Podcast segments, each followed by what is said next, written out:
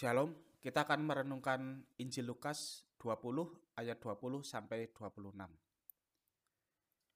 Ahli-ahli Taurat dan imam-imam kepala mengamati Yesus. Mereka menyuruh kepadanya mata-mata yang berlaku seolah-olah orang jujur, supaya mereka dapat menjeratnya dengan suatu pertanyaan dan menyerahkannya kepada wewenang dan kuasa wali negeri. Orang-orang itu mengajukan pertanyaan ini kepadanya.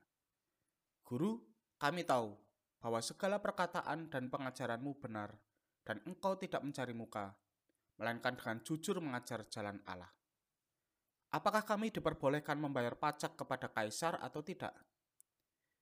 Tetapi Yesus mengetahui maksud mereka yang licik itu, lalu berkata kepada mereka, Tunjukkanlah kepadaku suatu dinar. Gambar dan tulisan siapakah ada padanya? Jawab mereka, gambar dan tulisan kaisar. Lalu kata Yesus kepada mereka, Kalau begitu berikanlah kepada kaisar apa yang wajib kamu berikan kepada kaisar, dan kepada Allah apa yang wajib kamu berikan kepada Allah. Dan mereka tidak dapat menjerat dia dalam perkataannya di depan orang banyak. Mereka heran akan jawabnya itu dan mereka diam. Di Indonesia terdapat sebuah jargon yang sudah biasa kita dengar, yaitu politik itu kotor.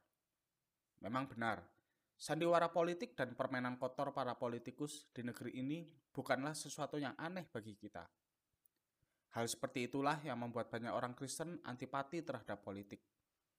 Bahkan, banyak hamba Tuhan yang tidak mengajarkan jemaatnya untuk memahami peran mereka dalam politik. Mereka berpikir tanggung jawab gereja hanya mengurusi hal-hal rohani. Politik bukan termasuk di dalamnya. Bagaimana sebenarnya peran orang Kristen dalam politik? Alkitab tidak mengajarkan orang-orang Kristen untuk mendirikan negara Kristen, seperti sekelompok orang dari agama tertentu yang ingin menjadikan Indonesia sebagai negara khilafah. Tetapi Alkitab mengajarkan bahwa orang-orang Kristen harus menerapkan kebenaran firman Tuhan sebagai warga negara yang baik. Dengan begitu, Orang-orang Kristen akan menjadi garam dan terang di tengah carut-marutnya kehidupan berbangsa dan bernegara. Apakah hal itu berarti kita harus menjadi pimpinan daerah atau anggota legislatif? Saya percaya ada anak-anak Tuhan yang mendapat panggilan khusus dalam bidang tersebut. Misalnya Abraham Kuyper, seorang teolog yang berkarir dalam bidang politik dan menjadi Perdana Menteri Belanda tahun 1901 sampai 1905. Tetapi bentuk tanggung jawab yang bisa kita lakukan sebagai warga negara yang baik sebenarnya banyak sekali. Mulai dari taat membayar pajak, tentu dengan porsi yang benar, walaupun sering kali sangat sulit untuk dilakukan. Hingga mematuhi protokol kesehatan di masa pandemi ini. Lalu bagaimana jika pemerintah di mana kita tinggal justru melakukan banyak sekali penyelewengan?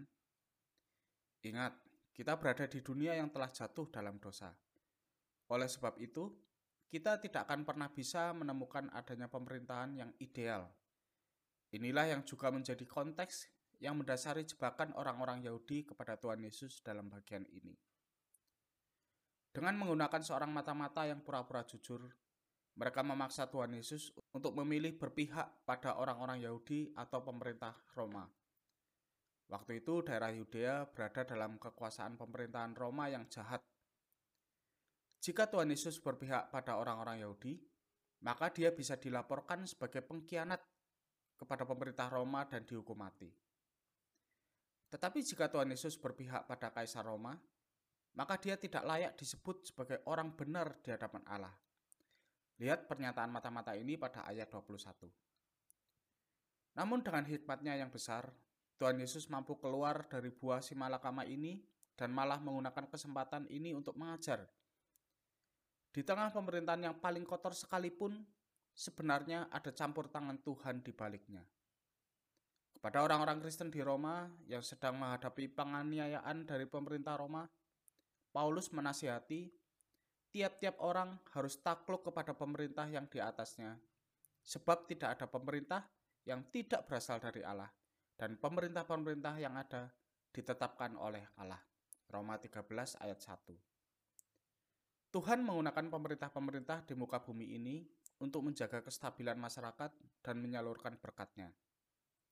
Oleh sebab itu, kita harus mendukung pemerintah di atas kita. Jika menyeleweng, mereka sendirilah yang akan mempertanggungjawabkannya kepada Tuhan. Amin. Pertanyaan untuk direnungkan. Yang pertama, seandainya Anda adalah seorang pengusaha yang dipaksa untuk melakukan perbuatan yang tidak sepenuhnya benar demi kelangsungan usaha Anda tersebut, apa yang akan Anda lakukan? Dan apa yang mendasari Anda untuk melakukan hal tersebut? Yang kedua, apa peran serta kita sebagai warga negara yang baik yang masih belum kita lakukan? Kita bisa menggalinya mulai dari lingkungan terkecil seperti RT di tempat kita tinggal. Kemudian, lakukanlah itu sebagai wujud pelayanan kepada Tuhan. Tuhan memberkati.